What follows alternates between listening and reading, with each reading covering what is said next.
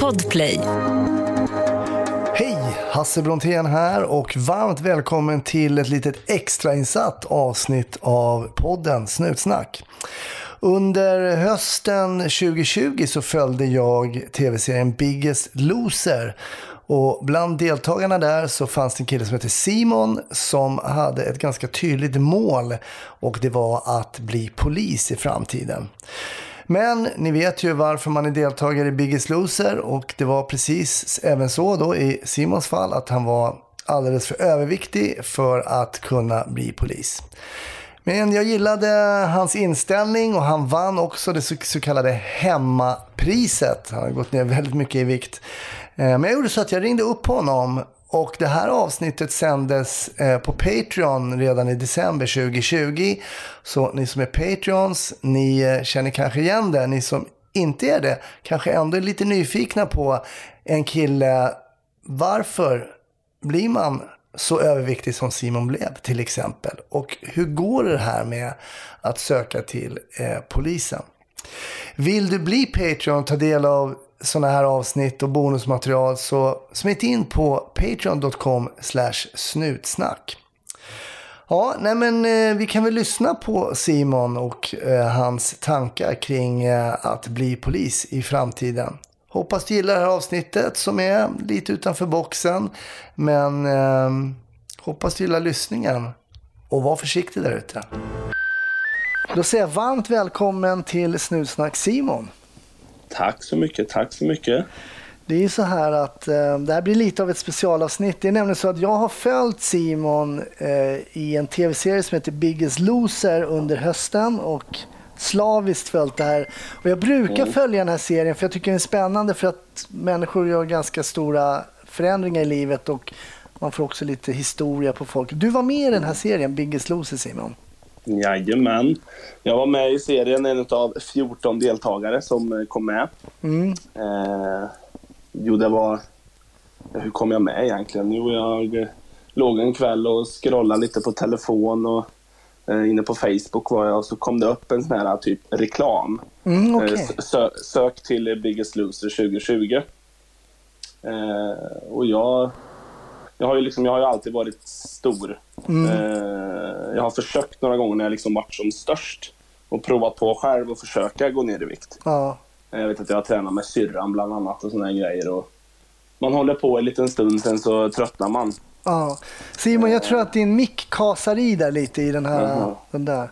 Så, jag får hålla i lite. Du får göra den här klassiken som folk gör, du vet, de går på stan. Ja, ja just Okej, okay, så du, du försökte själv ibland att mm. uh, gå ner lite i vikt och sådär? Mm, mm. Jag försökte några gånger, inte många gånger, men uh, tre, fyra gånger kanske jag försökt. Men det är liksom att man, man tränar i typ ja, ett par veckor, sen så tröttnar man liksom. Uh, så när jag såg den där annonsen så tänkte jag liksom, ja, var, varför inte? Jag har ju mm. uppenbarligen inte klarat på egen hand så att och bättre hjälp kan man ju inte få. Nej. Eh, jag trodde ju aldrig någonsin att jag skulle komma med. Nej, jag eh, men jag tänkte det, man får ju bara två så liksom. Ja.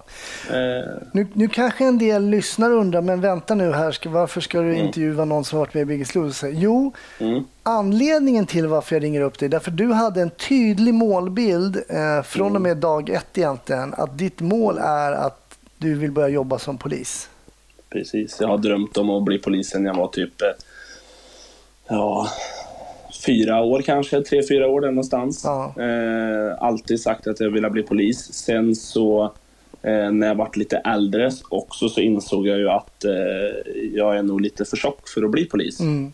Eh, jag kan inte bli polis när man är så överviktig som jag var. Det går inte. Nej. Ska, vi, ska vi berätta för lyssnarna ungefär hur stor mm. du var då när du kom in där till Biggest Loser? Då? När vi började med inspelningen så vägde jag 152 kilo. Gjorde jag. Mm. Eh, och det är ju ja, det är alldeles för stort oavsett, men just eh, för att bli polis är det ju ja, det är inte så lätt att springa efter någon eh, dum jäkel om en väger 150 pannor. Eh. Nej, det, blir, det, det, blir tufft alltså. Det blir det. Ja. Eh, så att jag gav väl upp den drömmen lite grann. Hur kommer, det sig, hur kommer det sig att du... För jag menar 150 kilo, Eh, Hur lång är du? Du är ganska lång ändå va? Jag ligger väl på runt 1,86-87 där Ja, någonstans. men du, är- du är som mig ungefär. Mm, mm. Och ehm, för 150 kilo, då har man ändå passerat det här att man känner sig, men nu väger jag något kilo för mycket. Mm. Hur kommer det sig att du kom upp i sådana stora siffror, att det liksom blev tresiffrigt och sen bara... Vad hände egentligen? Ja, alltså liksom det, som jag sa förut, har jag alltid varit eh, den stora killen. Liksom, Jag alltid, jag har aldrig varit smal. Nej. Aldrig någonsin. Eh, men jag låg väl på en normal övervikt, om man ska eh, säga, att fram tills eh, eh, jag började gymnasiet kanske. Mm. Eh, då var jag fortfarande överviktig, men jag var ju liksom inte så fet som jag, var, som jag blev. Nej. Men eh, när jag började gymnasiet så tror jag jag låg på typ 115 där någonstans kanske. Just det. Eh, fortfarande överviktig, men eh, det var ju samma veva där som när jag började gymnasiet som jag fick eh, testikelcancer. Okej. Eh, och då förmodligen, jag tänkte väl inte att jag gjorde det då, men nu i efterhand så har man väl förstått att jag måste ju säkert ha tröstätit lite och sådana där grejer. Och eh, sen så flyttade jag ju också hemifrån i samma veva, för jag gick ju på ja, internat är väl inte rätt eh, ord. Det är ju en, det är ingen Lundsbergs internat direkt, men eh, det var liksom vanliga studentlägenheten där vi bodde allihopa.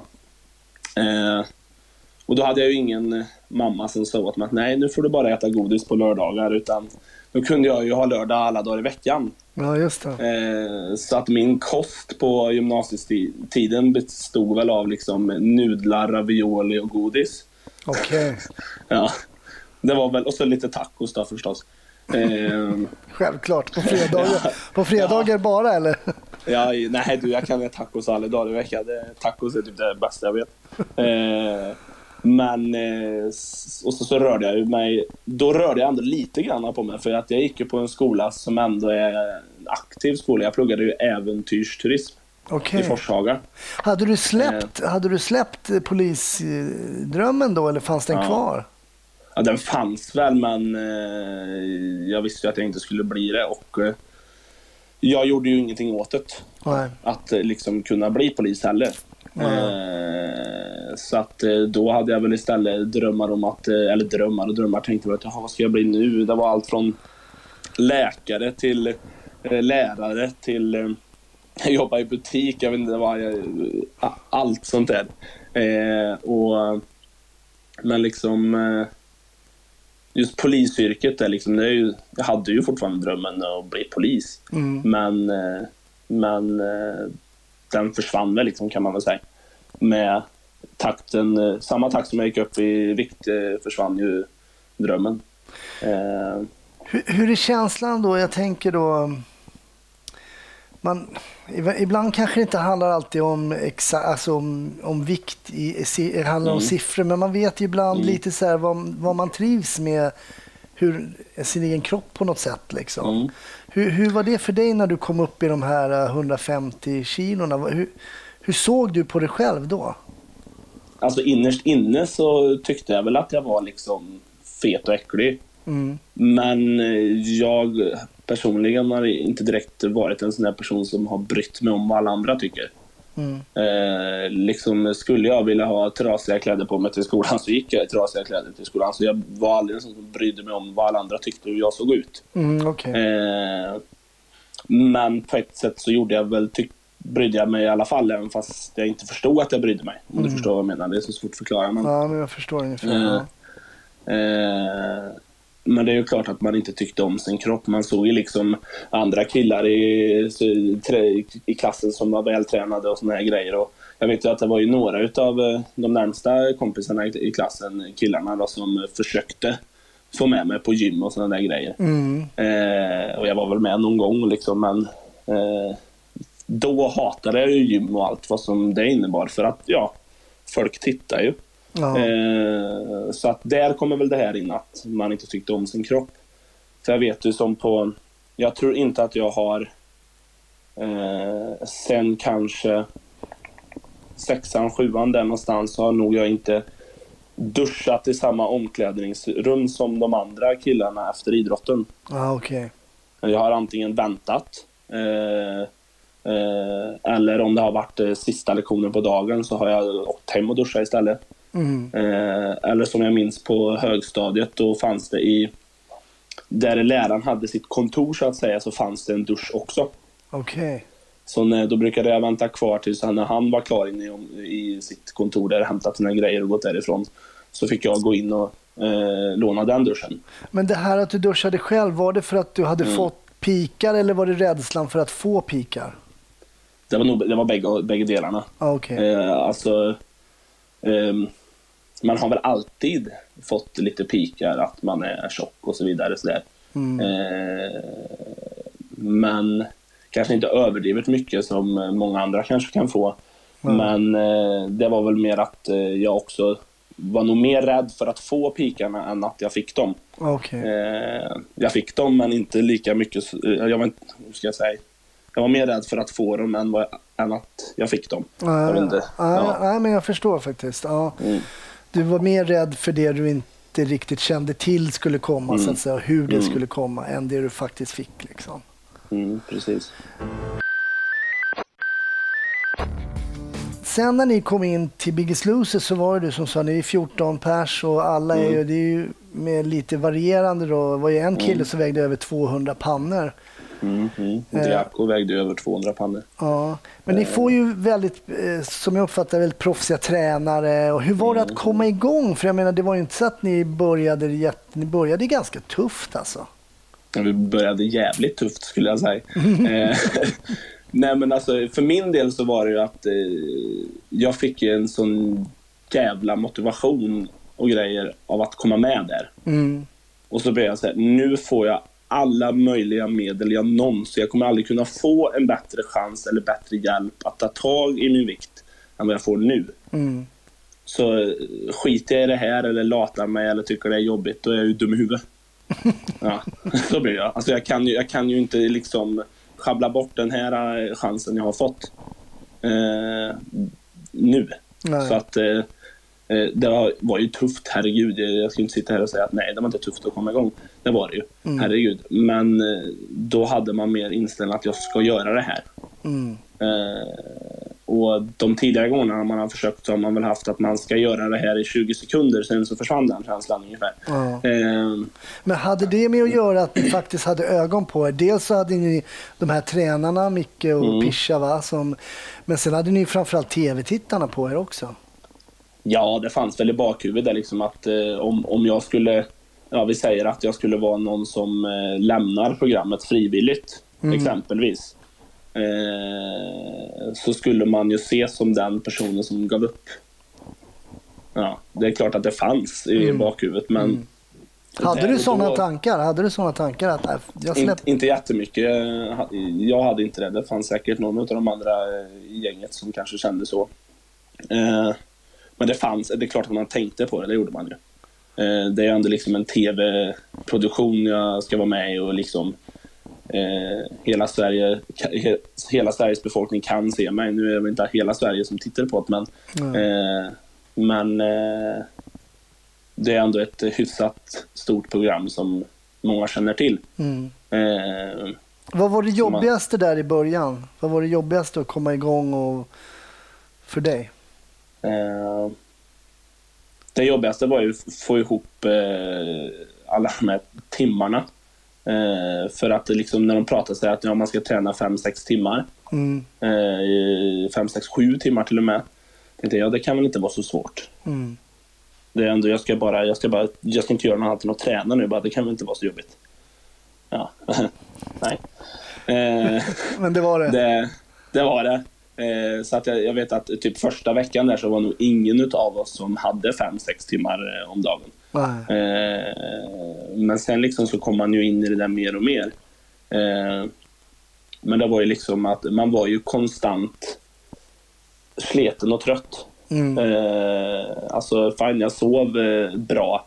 För det vet jag att tränarna Micke och Pischa där pratar ju om att ni måste sova också. Och kaloriintaget var ju då Mm. kanske aningen mer begränsat än när du bodde i Ja. ditt studentrum, eller? Eh, enligt dem så har ju de aldrig sagt till oss hur mycket vi ska äta. Eh, så jag vet inte vart vi har fått det här ifrån allihopa. Men eh, vi låg på en första veckan så låg nog de flesta utav oss på 1200 kalorier. Sen vet jag att jag pratade med någon utav, eh, jag tror att det var Micke, och sa att den här veckan så vill jag verkligen gå ner över fy- fyra kilo. Ja, men gå ner lite kalorier sa han då, men då kanske jag inte berättade för hur, mycket, hur lite jag åt. Eh, Men då gick jag ner till 1000 kalorier. Okej. Så efter, jag tror det var eh, tredje veckan där någonstans som jag började ligga på 1000 kalorier. Sen, sen åt jag ju 1000 kalorier ända fram tills vi spelade in finalen. Hur viktiga är de här, för alla har säkert sett något avsnitt kanske av Biggest Loser, om inte det svenska kanske det amerikanska. Det är det här klassiska, man får gå upp på vågen och det tickar och, och de fintar den där och siffrorna åker upp och ner. Mm. Hur, hur, hur pass motiverande är det när man verkligen ser att det man gör fungerar? Gud, det är ju alltså... Alltså, ser man... Om man själv tycker att man har slitit som ett djur eh, och man går upp och ställer sig på vågen och ser att jag, pang, jag har gått ner fyra kilo den här veckan. Ja, men då har jag gjort någonting bra. Mm. Eh, och liksom... Eh, varje invägningsdag som jag hade, det var ju typ den mest nervösa dagarna eller dagen på hela veckan som jag hade. Mm. Eh, för att, eh, ja, ha, har du en dålig siffra så fick du åka hem. Eh, Ja, Så det var ju tufft alltså. Då får man, Ja. ja. blir man utkickad. ja. Så vågen var ju liksom det... Man hade sån respekt för den där vågen alltså. Oj, Men hade ni inte någon liten våg där ni kunde väga er på? Eller någon tjuvvägare? Nej. Nej, ni hade, Nej. nej, ni hade inte det. Ingenting. Eh, jag vet att det finns någon i någon tidigare säsong som hade tagit med sig något sånt där, men det får man inte. Eh, Hur var det med Men, eh, mobiltelefoner och sådär? Fick ni ha det? inga telefoner, ingenting. Hur var det då? Jag men tänker, vi är så oerhört uppkopplade idag. Och är det inte att man ringer någon så spelar man Candy Mm. Crush eller vad det heter? Nå, alltså, Ja. Något spel eller? Nej, det som var jobbigt för mig det var just att inte kunna ringa hem. Mm. Alltså, jag tyckte det var rätt gött att slippa det här med Facebook och Instagram och allt det där. Det var ju, för man låg ju varenda jävla kväll innan man skulle söva så låg man ju säkert en halvtimme timme och tittade igenom allt det där. Mm. Det, är liksom, det gör man ju typ. Eh, Det gör jag ju nu också liksom, precis när jag ska gå och lägga mig. Eh, eh, så att, eh, att slippa sociala medier och sånt, det var bara gött. Mm. Eh, men just det här, eh, jag har ju en ganska, eller ganska, en väldigt tajt relation med min mamma. Mm. Så vi pratar ju minst en gång om dagen. Så att inte kunna ringa hem till mamma, kunna ringa till... Eh, då hade jag ju en flickvän. Mm. Eh, inte, henne träffade jag ju liksom typ varje dag. Eh, vi bodde ju inte ihop, ihop då, men... Eh, och sådana där ringa till vänner och familjemedlemmar, det var det som var, eh, som var det tuffa. Mm, jag fattar. Eh, och få den här hemlängtan så att säga. En kanske aningen privat fråga och du behöver absolut Mm. inte svara på den om du inte vill. Men du säger att du har en väldigt eh, bra relation med din mamma. Då. Hur är relationen Mm. med din pappa då? Relationen med min eh, riktiga pappa eh, finns inte. Ah, okay. Eh, han har varit lite dum så att säga. Han har suttit i fängelse bland annat och så har han eh, varit alkoholist eller han kanske är fortfarande, det vet jag inte. Men... ah, okay. Så med honom har jag ingen kontakt alls idag. Eh, sen har jag min bonuspappa då, som jag, som har liksom, det är han som har varit pappa för mig. Ja, jag fattar. Eh, så att, eh, ja. Men, eh, Tror du sådana Mm. saker, eh, jag tänker dels kanske nu lite på ditt tänk kring yrket och Mm. kanske även kring, kan det påverka det här med frånvaron av en förälder eller något sånt där? Kan det på, har det påverkat dig på något sätt tror du?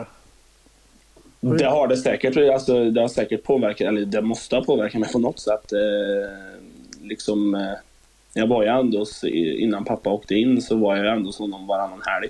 Mm. Eh, gått igenom ganska eh, med hans alkoholism. Liksom, sådär. Eh, Jag har sett honom slagit mamma och allt möjligt och sådana där grejer. Mm. Eh, han har slagit mig också. Eh, men eh, eh, så fram till jag var mamma och Kjell, alltså Kjell är min låtsaspappa, han, Mm. de träffades nog när jag var typ 9-10 där någonstans. Eh, så då hade jag ju, alltså jag, jag hade ju pappa, jag var ju hos pappa liksom Mm, så här och så, mm. men jag hade ju ingen riktig fadersgestalt för liksom så som eh, de helgerna såg ut när jag var där då Då låg han i soffan hela tiden i stort sett. Mm. Han gjorde ingenting med mig. Eh, utan jag var hos kompisar. Jag hade min dåvarande bästa kompis, eh, bodde ju i samma lilla ort som han bodde i. Så jag var ju där hela tiden, alltså från frukost till eh, gå och lägga sig ungefär. Ja, jag Eh, det var ju bara någon gång då och då som, som vi hittade på någonting. Vi kanske åkte på bio eller eh, Men annars så... Det var ju liksom, jag vet, eh, på, på somrarna så brukade jag ju vara där typ två veckor. Han hade semester. Och ibland så hände det att eh, den kompisen jag hade där då, han eh, åkte, på, åkte iväg på semester. Mm. Eh, och då kunde pappa säga så här, nu när du inte har någon kompis här så kanske du vill åka hem till mamma. Okej. Ja, så då tyckte han att eh, ja, han kunde liksom inte hitta på någonting med mig. Nej, Eh, ja. jag Jag minns bland annat att eh, jag tjatade höl i huvudet på honom att vi skulle åka till Kolmården. Mm. Och han sa att ja, nästa sommar när du kommer ska vi åka till Kolmården. Ja, jättebra. Nästa sommar så blev det ingen Kolmården. Och så sa han samma sak igen nästa sommar och även en tredje sommar. Så då sa jag så här att åker inte vi till Kolmården nu som du har sagt i tre års tid här så kommer inte jag, jag, jag orkar inte komma till dig någon mer då, så här. Ja, Pang sa det så vid Kolmården. okej. Ja. Det behövdes lite tryck där då. Mm. Mm, ja, jag fattar, jag fattar. Så att, eh, Ja, det... men jag är ju jätteglad att eh, jag har eh, min låtsaspappa. Liksom. För Mm. det, är, ja, det är han som är min pappa. Eh, Häftigt. Ja, det finns många bra låtsaspappor och låtsasmammor ute i landet, verkligen. Ja, det gör det verkligen. För de som inte såg den här säsongen av Biggest Loser så kan jag berätta att efter en tid, då, för du berättade ju ganska tydligt, för det var ju så att man märkte verkligen att din låga liksom kring att söka in till polisskolan och så här, den fanns verkligen och den drev dig lite grann kändes det som. Och en dag på gården där så stod ju plötsligt en polisbil. Ja, Vad var det för någonting? Berätta. eh, de hade ju, produktionen hade ju fixat eh, en liten surprise till mig så att säga. Eh, så vi satt ju först inne, vi skulle ha ett vanligt träningspass med Micke och Pischa. Mm. Så satt vi inne i gymmet där och så eh, skulle de prata om någonting, jag kommer inte ihåg vad det var. Eh, sen helt plötsligt går ju sirener igång. Vi bara, vad är det som händer nu? Alla såg ju så frågande ut. Och liksom, vad händer? Och sen så tittade jag, tror det var Micke som tittade ut genom fönstret. Och så sa han, kom här. Och sen så stod det ju två poliser eh, med händerna i kors, eh, eller armarna i kors och eh, bara tittade liksom. Och, bara, och jag fattar ju jag fattar ju ingenting jag. Jag vet att Aman- Amanda, en annan deltagare, hon tittar ju på mig och flinar och då börjar jag bli så här. Jaha, det kanske är någonting till mig. Eh, och sen så presenterade de ju sig och sa att eh, de är där för min skull eh, och att jag skulle få träna med dem. Ja. Eh, och det var ju så jäkla roligt. Jag tränade ju med han eh, eh, killen, vad hette han? Johan tror jag han hette. Eh, eh, Ni gick och på rätt bra. Han sa ju att ni skulle göra vad sa han, tusen... Eh, Tusen repetitioner. eh, som vi skulle dela på. Det. Så jag, tror, jag tror det var så här, tio övningar med hundra repetitioner. Eh, och så blir det 50 repetitioner var. Eh, men vi körde på där. Eh, och det märktes ju verkligen, för de sa ju flera gånger att, att de var imponerade och så här, men det märktes på dem också att de var det. Eh, eh, liksom, speciellt när man pratar med dem när kameran inte var framme så att säga. Mm. Eh, så liksom speciellt Johan, det är, de, det är någon liten sekvens där som de säger att om man klarar det här under timmen så är det bra. Mm. Ja.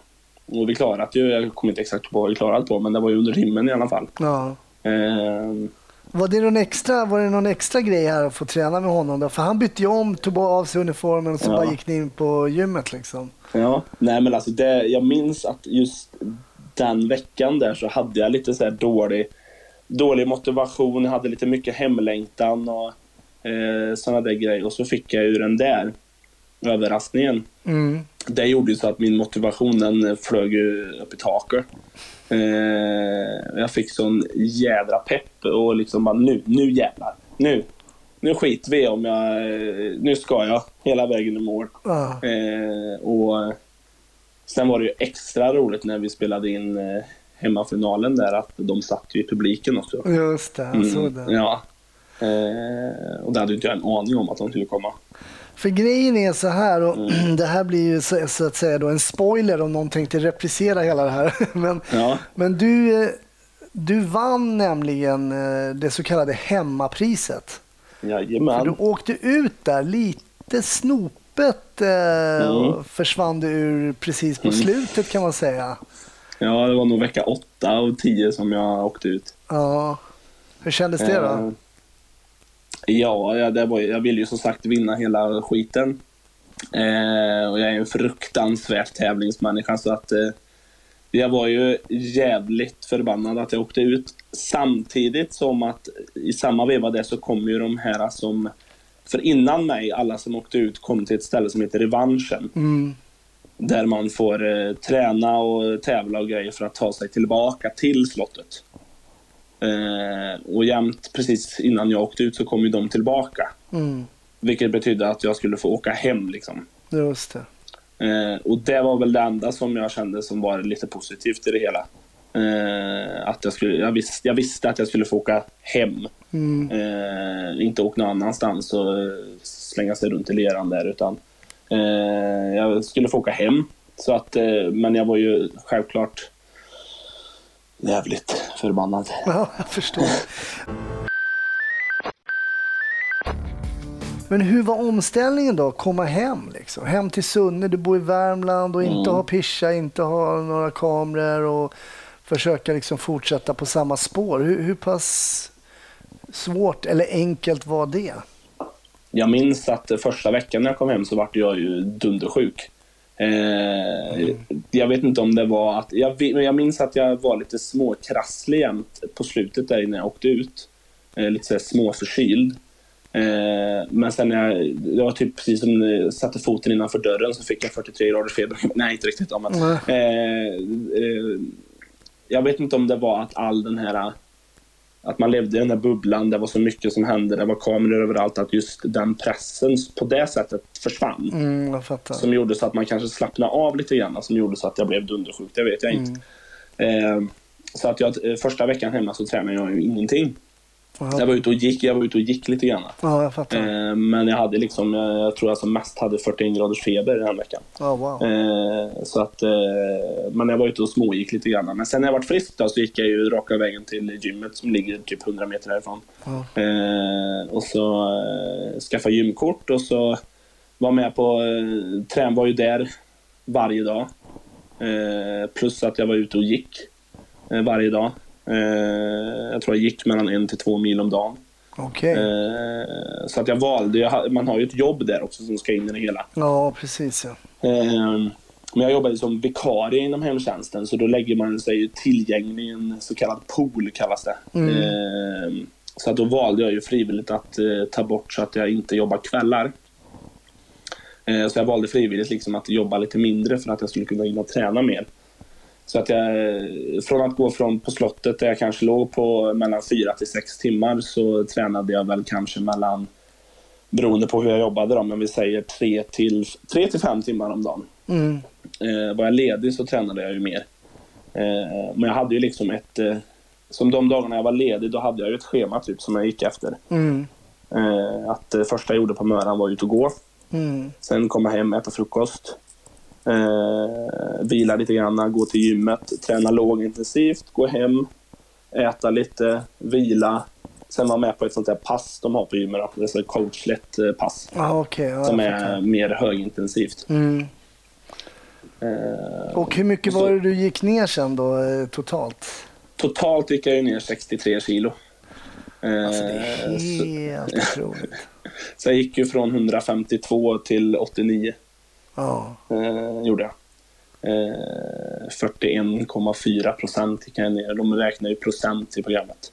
Ja. Eh, eh, och jag vet ju att när jag kom hem där så hade jag ju precis, jag minns att jag sa det i min sista synk på slottet att jag ska vinna hemmapriset. Mm. Eh, och eh, det var ju det jag hade i huvudet hela tiden. Eh, jag ska vinna det där jävla hemmapriset. Eh, och samtidigt som jag, det var väl det som var den största moroten, men sen så var det också polisen där. Mm. Eh, jag, jag började ju då eh, läsa upp eh, betygen som jag håller på med nu. Blev jämnt, eh, jämnt förra veckan. Här blev jag klar med svenskan. Okej, vad är det som saknas? Eh, det, var, det var svenska, historia och samhällskunskap. Mm. Eh, men eh, svenskan har ju varit delvis fruktansvärt tråkig. Eh, och sen en ganska mastig kurs. Okej. Eh, det är en 100 poängs kurs då, och eh, jag vet att jag läste ju den, började läsa den på gymnasiet men jag hoppade ju av den. Okej. För det är ju en sån här som man läser utöver det man ska läsa. Ehm, och då minns jag att den läraren jag hade på gymnasiet då sa att det här är den mastigaste kursen du kan läsa på gymnasienivå. Okej. Eh, så den tog ju sin lilla tid, om man säger så. Fattar. Eh, men jag har känt så här att nu, när jag blir klar med svenskan då kommer det kännas som att jag är klar.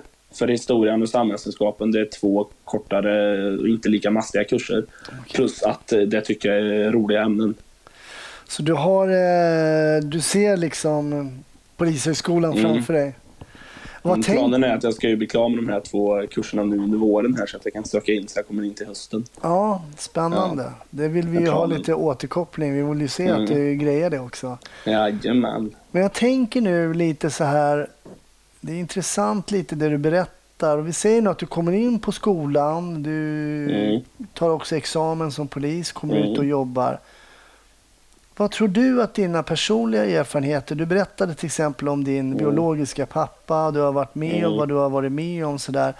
Vad tror du att din eh, upplevelseryggsäck kan bidra med eh, inom det yrket, liksom att bli polis? Tror du att det skulle kunna vara till fördel eller till nackdel? Eller vad tänker du där?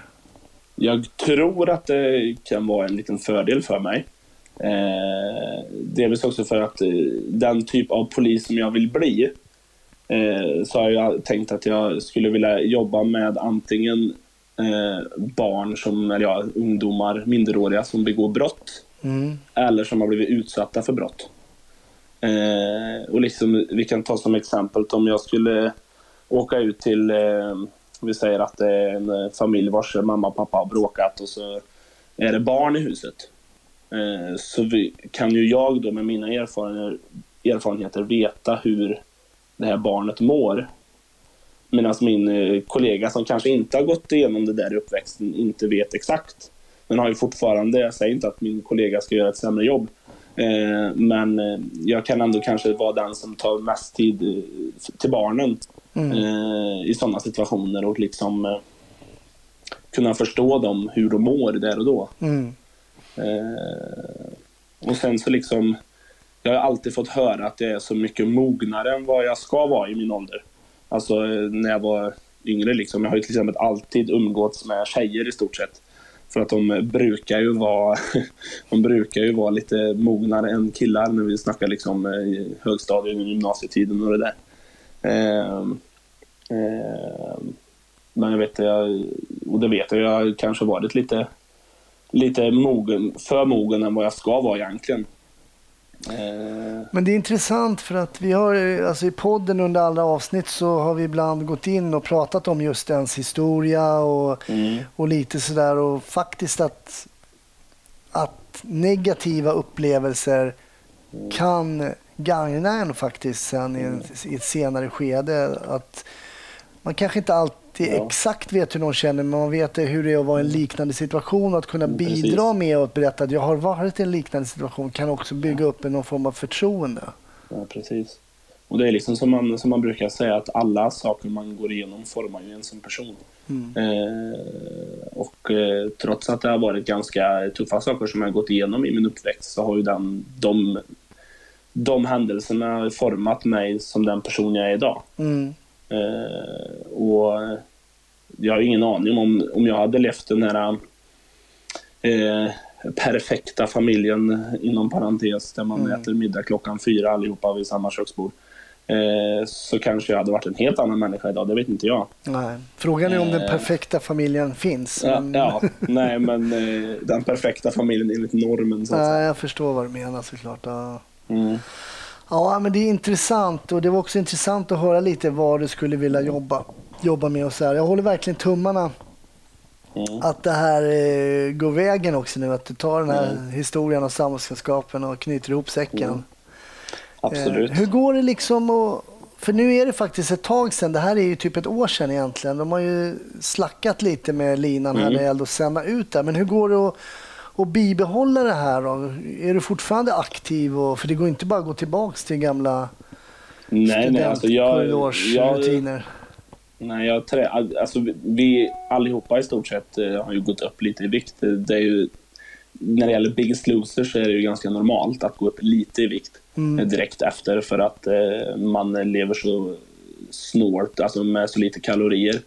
Eh, och sen de, de utav oss som verkligen körde all in eh, tävlingsmässigt tömde ju sig också på vätska okay. på slutet. Man körde ju sån här riktig boxnings... Eh, Eh, man satt i bastu och åt. Jag tror okay. de sista fyra dagarna innan vi spelade in eh, finalerna där så åt jag fyra ägg om dagen och så bastade jag säkert två, tre timmar, om inte mer, om dagen. Wow. Så jag gick ju ner.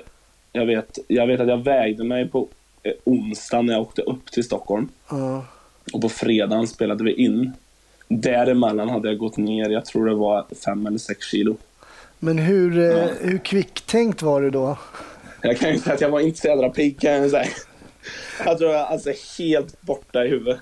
Eh, alltså, jag minns att de stod och pratade så här. Och liksom, ja, det här ska vi, för vi var ju där dagen innan. Oh. Eh, och liksom skulle gå igenom lite så här. Och bara, eh, så kunde man ställa en fråga och frågan var precis det de hade sagt. Ja, ja, ja. Och så man liksom bara, ja. Jag vet att det var någon av oss eh, som typ somnade mitt i, alltså ja okay. det var, man var inte så pigg då kan jag säga. Nej, jag förstår. Jag förstår. Mm. Jag brukar alltid eh, avrunda mina poddavsnitt med att prata om polisfilmer och polisserier. Ja. Eh, och jag brukar alltid be min gäst eh, tipsa om någonting som de tycker är bra. Det behöver inte nödvändigtvis vara polisrelaterat, ja. men kollar du någonting mm. på polisserier eller filmer? Jag gillar ju sånt, sånt där. Filmer kanske inte så jättemycket, men serier som jag har ju en serie som jag har tittat på som är typ den bästa serien jag har sett på, det är ju Bones. Bones? Ja. Eh, den tycker jag är skitbra. Sen gillar jag ju den här eh, Chicago PD och NCIS och de här. Ja. Eh, de gillar jag ju väldigt mycket. Så att, eh, Men Bones blir tipset alltså? Mm, Bones, helt klart. Ja, vad roligt. Du Simon, eh, jag bugar, mm. jag bockar. Det var jätteintressant mm. att få snackas vid vid en liksom förhoppningsvis kommande eh, konstapel. Jajamän. Och jag hoppas att, eh, att du återkopplar när du har fått beskedet. Jajamän, det ska jag göra. Stort tack att du ville vara gäst i Snutsnack. Ja, tack för att jag fick vara gäst. Det var det lilla. Tack för att du lyssnade på det här specialinsatta avsnittet av Snutsnack. Bli Patreon. Gå in på patreon.com snutsnack så kan du ta del av massa andra eh, bonusgrejer som ligger uppe där. För övrigt så hoppas jag att vi hör på, hörs på tisdagar när Snutsnack släpps som vanligt. Ha det fint, må bra, hej då!